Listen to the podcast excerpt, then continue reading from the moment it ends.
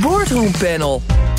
De ondernemingsraad van autofabrikant VDL Netcar draagt VDL Group voor de rechter. En KLM kreeg een veeg uit de pan van staatsagent Jeroen Kremers. Licht de topvrouw van KLM, Marjan Rintel, daar wakker van. Dat en meer in het boardroom panel met Tanja Nagel... bestuursvoorzitter van DSI-commissaris bij onder andere EY Nederland...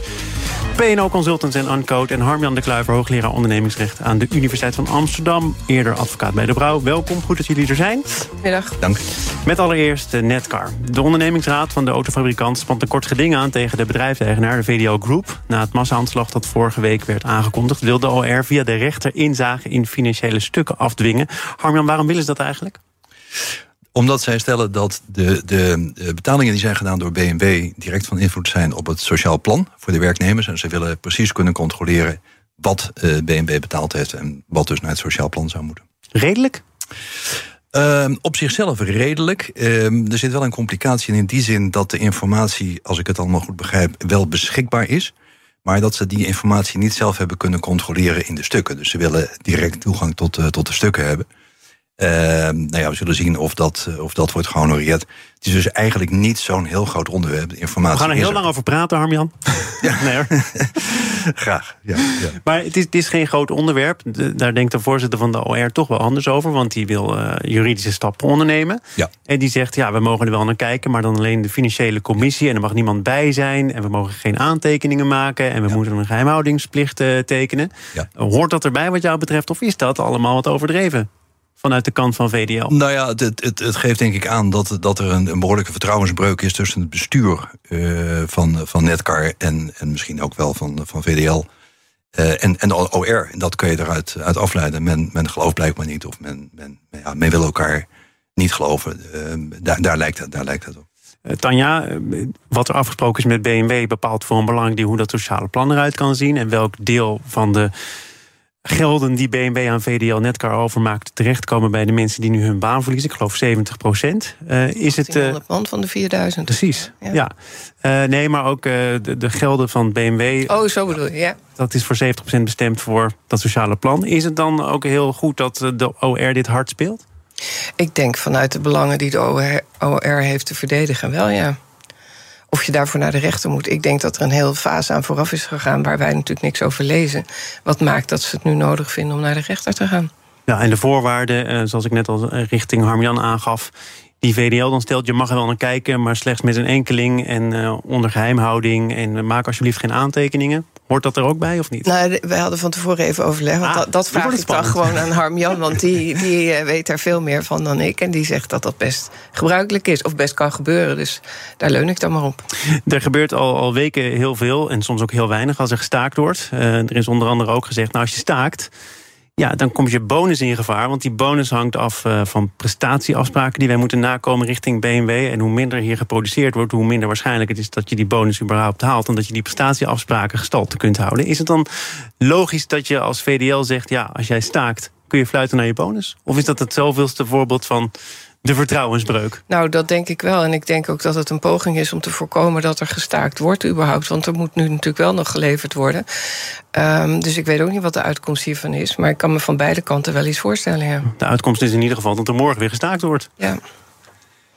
Hoe nu verder? Dat is misschien een beetje een, eh, een, een al te grote vraag. Maar ik, ik kom erop omdat de SP nu zegt... nou ja, VDL moet gered worden. Dat is een ereschuld. Netcar moet gered worden. Oh, sorry, net, eh, VDL Netcar moet gered worden. Uh, dat is een ereschuld aan, aan Limburg. Kijk naar de geschiedenis. Dan staat die autofabriek er omdat de mijnen ooit gesloten zijn. En het is onze plicht om ook in Limburg veel te doen aan werkgelegenheid.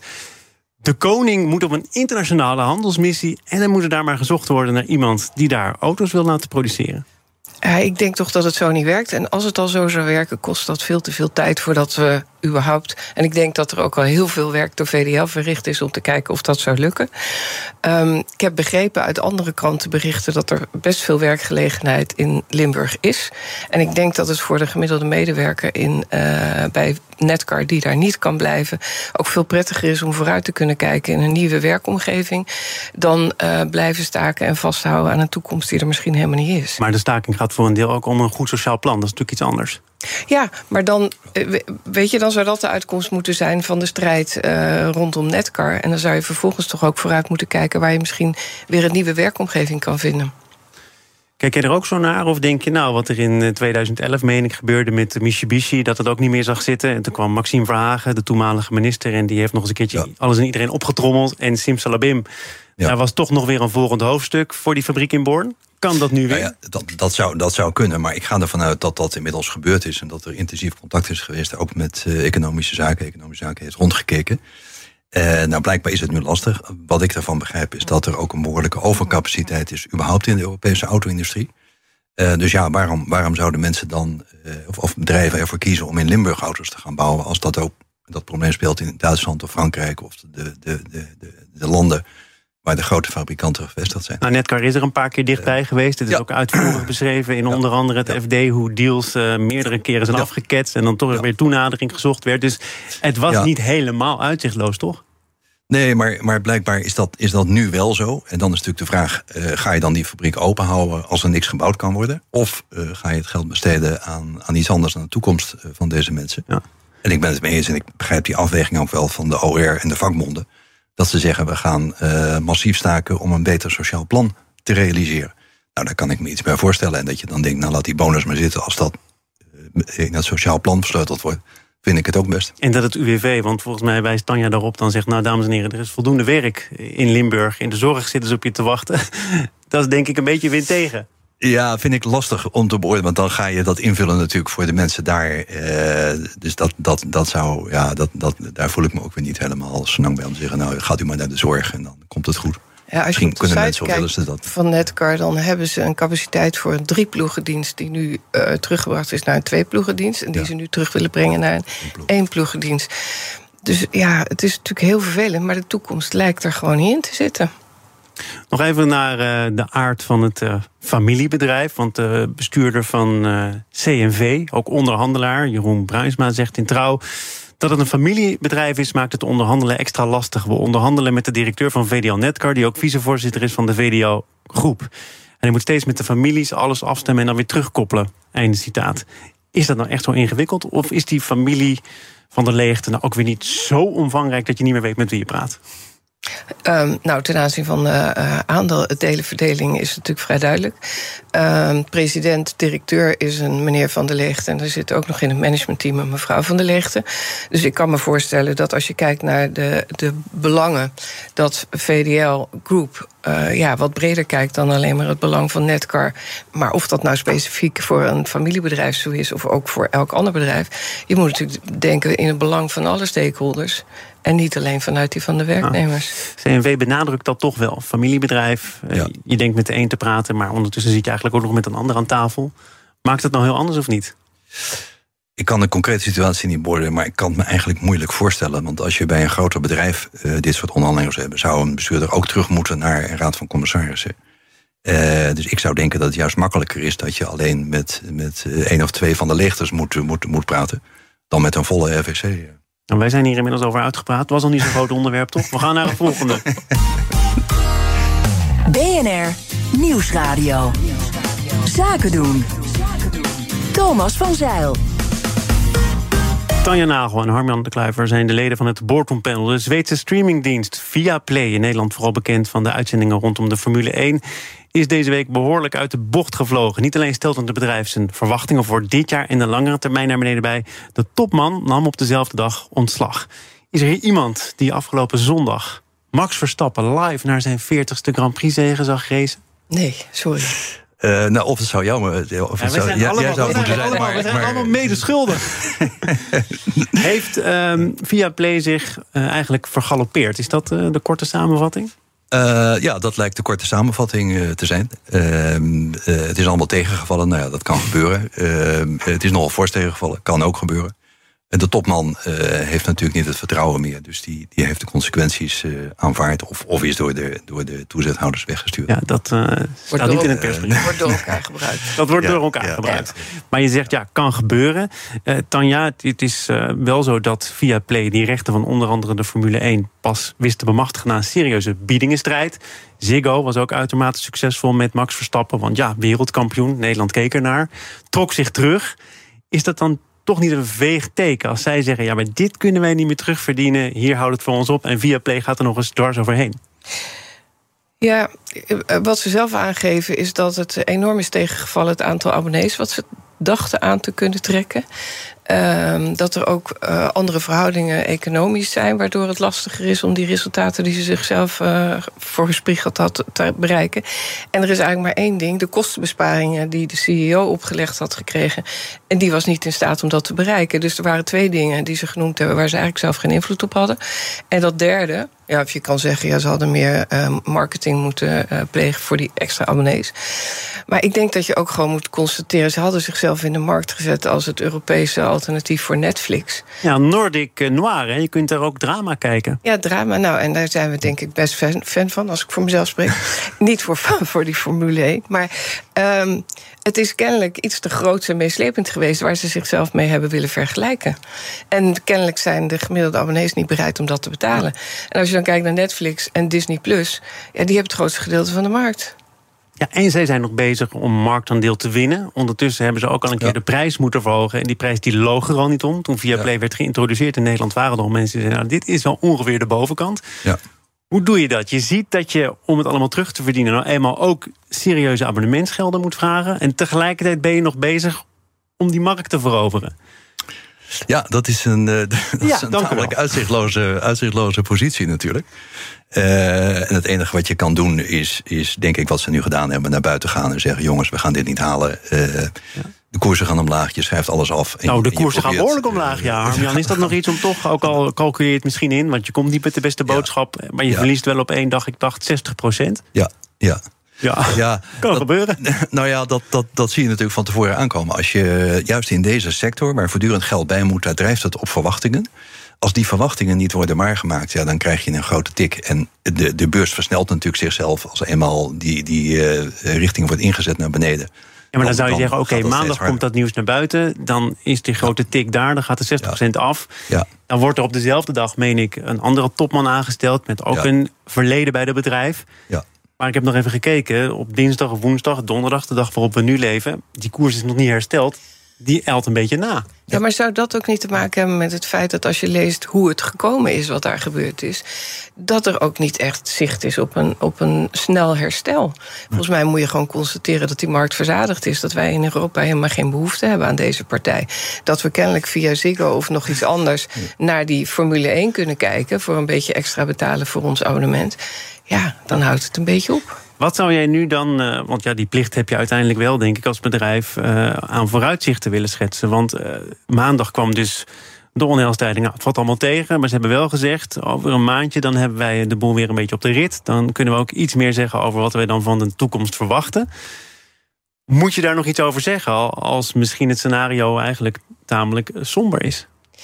Ja, dat kan ik niet inschatten. Maar als je ziet wat er van dat EBITDA gekomen is... ten opzichte van wat ze uh, voor ogen hadden... dan denk ik dat je uh, toch op zijn minst zou moeten kijken... wat kunnen we eraan doen om te zorgen... dat we in elk geval die kostenbesparingen echt gaan realiseren.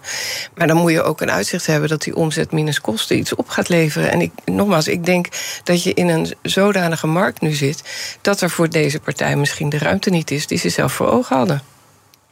Nou ja, één, één ding wat je in ieder geval moet doen, uh, is niet informatie achterhouden. Je moet nu gewoon echt uh, alles vertellen wat je weet.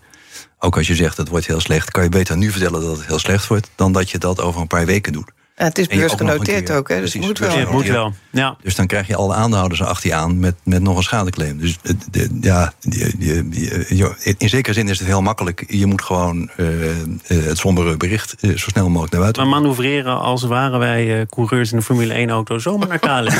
ja, het gebeurt. Ja, heeft ook een moeilijke week achter de rug. Want de staatsagent Jeroen Kremers gaf de vliegmaatschappij, de luchtvaartmaatschappij, een flinke veeg uit de pan. KLM verbloemt en verdraait, zegt Kremers, en schond daarmee de afspraken rond om de coronasteun. Uh, Kremers kwam met een uh, vijfde rapportage. Hij heeft ook zichzelf geëvalueerd. En hij zegt: Het is wel kwetsbaar, staatsagent, aangezien uh, ik wel kan constateren dat er dingen misgaan, maar ik heb geen instrumenten om in te grijpen, te handhaven. Ehm, hoe kijk jij naar de figuur staatsagent? Armjan. Uh, nou ja, ik, ik, ik, ik, moet zeggen, ik vind het enorm interessant wat daar, uh, wat daar gebeurt. Ik heb gisteravond nog eens even het rapport van uh, Kremers gelezen. En daar proef je ook wel de frustratie in. precies wat jij zegt, dat die ik, ik heb, we hebben afspraken gemaakt, maar ik heb geen middelen om dat ook daadwerkelijk te effectueren. Dus ik ben afhankelijk van, van KLM. En KLM heeft in zijn optiek daar de, de, de randjes van afgelopen. Uh, de kantjes van afgelopen. Uh, maar je ziet vanuit de KLM-optiek natuurlijk dat men denkt: we moeten dit bedrijf uh, op, op de rit houden en, en doorzetten. We hebben even tijdelijk een periode waarin we dingen niet mogen doen, maar dat mogen we daarna wel. Terwijl de visie van de staat en Kremers is: wij gaan nu fundamenteel een wijziging uh, aanbrengen in KLM. En KLM wordt een heel ander soort maatschappij. En die twee werelden hebben elkaar nooit gevonden. Dat snap ik. Want als je kijkt naar de, de vakbonden die uh, binnen KLM actief zijn, onder andere de Vereniging van Nederlandse Luchtvaarttechnici, was in de Telegraaf uh, tamelijk duidelijk. Dit is een pure sloopagenda. Hij begeeft zich met zijn ondeskundige mening op een duister pad waar hij niets mee te maken heeft. De staatsagent ziet zichzelf als een pseudo-KLM-directie. Is dat inderdaad toch moeilijk aan te geven waar hij nu wel of niet over gaat, Tanja? Ja, ik kom uit de financiële wereld. En toen ik het rapport las, dacht ik, ja, de AFM heeft het een stuk makkelijker. Als je het hebt over wat uh, het mandaat van de AFM is. Ik heb ook nergens precies kunnen vinden wat het ma uh, mandaat van Kremers was, is. Um, en ik begrijp, hij, hij constateert een heleboel zaken feitelijk. Uh, maar hij geeft ook adviezen van hoe het opgelost zou kunnen worden. En daarvan denk ik dat de KLM of uh, de piloten uh, iets hebben van ja, nou gaat hij zijn mening geven, waar bemoeit hij zich mee? Maar tegelijkertijd, als je alleen maar feiten constateert, ja, wat is dan de rol van een staatsagent? Dus ik begrijp wel dat hij het zo heeft opgeschreven. Maar ik begrijp ook dat het lastig is voor verschillende partijen om daar uh, datgene te lezen wat nou echt aan de orde is en moet gebeuren. Maar, maar want Kremers geeft dat zelf ook aan hè, in zijn toelichting. Ik constateer en ik hou me bij de feiten. Maar dat is dus niet het hele verhaal. Hij, nou, hij adviseert ook. Precies. Ja. Ja. En dat is op zich denk ik ook wel uh, nou ja, begrijpelijk. Ik weet niet of het goed of slecht is, maar ik begrijp het wel. Ja. Uh, en dan uh, gaat de politiek daarop in. He, mevrouw Kaag heeft in eerste instantie gezegd... nou, ik kan niks meer, want ze hebben alles terugbetaald. Nou, dat is dan kennelijk weer niet helemaal zo. En nou hebben we natuurlijk de hele Tweede Kamer uh, eroverheen... die graag wil dat er allerlei actie wordt ondernomen. Ja, dat, en, en, en dat komt ook wel omdat Kremers zelf in zijn laatste rapport... Uh, uitgebreid twee paragrafen heeft opgenomen... je kan dit doen, je kan dat ja. doen. Dus die, je kan die, die rechter. zit eigenlijk een beetje te pushen op... je kan deze maatregel nemen, die maatregel nemen. Ja. Uh, dus die, die zet daarmee ook wel weer Kaag en anderen een beetje voor het blok...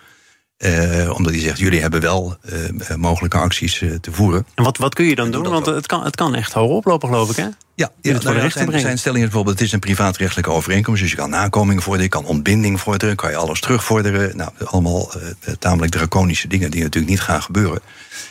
maar dat is natuurlijk wel weer iets waarvan men in de Kamer denkt... oh, nou, wacht even, als dat allemaal kan... Maar waarom zeg je met zoveel zekerheid... dat gaat natuurlijk niet gebeuren als er politiek gezien een sentiment is ontstaan ja. van... hé, hey, hier kloppen dingen niet. Nou, omdat je dan KLM over de rand duwt. Dat, dat gaat niemand in Nederland doen. Ja, wat ik ook nog wel interessant vond, is dat hij ergens aangeeft dat, dat er eigenlijk helemaal geen plan B is voor het geval KLM over de rand valt. Laten we het ja. nou zo cons ja. construeren. Ja. Uh, en dan trekt hij ook de vergelijking met de banken waar gewoon een resolutieplan ligt. Ik vond dat ook nog wel boeiend. Dacht ik, ja, maar daar hebben we het dan dus opeens over uh, de overheid als aandeelhouder. Um, terwijl de rest ging over uh, alle uh, tegemoetkomingen die ze hebben gehad in de coronatijd. Dus daar beginnen dan ook. Ik vind het heel logisch dat hij het constateert, maar er lopen wel rollen door elkaar dan. Absoluut. Ja. ja. Komt er nog ja. een keer een staatsagent, denk je dan? Gezien de ervaringen met Kremers. Hij zegt zelf: Mijn opdrachtgever was in ieder geval tevreden. nou, dat is in elk geval fijn voor hem, ja, toch? Prettig, ja. toch? Nou, ik kan me wel wat voorstellen van die rol. Maar met alles wat ik er nu voor heb, over heb gelezen, zou ik denken dat mandaat zou denk ik wat uh, duidelijker geformuleerd moeten zijn. En het zou voor al die partijen ook helder moeten zijn waar deze staatsagent dan toe gerechtigd is om, om te doen. Zou jij het dan volgende keer iets verder van tevoren invullen? Uh, als, als je effectief wil zijn, moet je dat zeker doen. Uh, het gevaar blijft natuurlijk wat ik. Vind je dat hij nu niet effectief is dan, tot slot? Dat hij? Ja, je zegt, als je het effectief wil doen, moet je dat zeker doen. Nou ja, dat, zegt, dat Kremers... zegt hij zelf, hè, dat hij niet effectief is. Omdat hij zegt, nou, KLM heeft zich niks van aangetrokken... en ik had geen instrumenten om er wat aan te doen. Uh, ja. Dus ja, ik zie het nog wel een keer gebeuren. Maar misschien gaat men ook weer terug naar wat in de kredietcrisis gebeurde. Dat er, dat er mensen in de RVC en de Raad van Commissarissen worden aangewezen... als, als steunpilaren van de staat. Uh, het is wel iets om over na te gaan denken. En, en, misschien ook wel moet de staat zich beperkingen opleggen bij het, het, het, veranderen van de koers van een bedrijf. Dat doe je niet op een namiddag met een paar voorwaarden, denk ik. Harmjan de Kluiver, hoogleraar ondernemingsrecht... verbonden aan de Universiteit van Amsterdam. En ook uh, voormalig advocaat bij De Brouw. Tanja Nagel, bestuursvoorzitter van DSI... commissaris bij EY Nederland, PNO Consultants en Uncode. Dank voor jullie komst. Graag gedaan. Graag gedaan. Dit panel is te beluisteren als podcast uiteraard. Abonneer je vooral even via je favoriete kanaal of de BNR-app. Zometeen een uitgebreid gesprek over hoe je ervoor kunt zorgen... dat inwoners van steden gaan mee profiteren van toerisme. Bij BNR ben je altijd als eerste op de hoogte van het laatste nieuws. Luister dagelijks live via internet. Jelle Maasbach. Wesley Weert. We zijn er voor je met het leukste, opvallendste, maar natuurlijk ook het belangrijkste nieuws. Tijdens de presentatie van die halfjaarcijfers toen die beurskoers in elkaar kukkelde. BNR Beurs. Voor de slimme belegger. Blijf scherp en mis niets.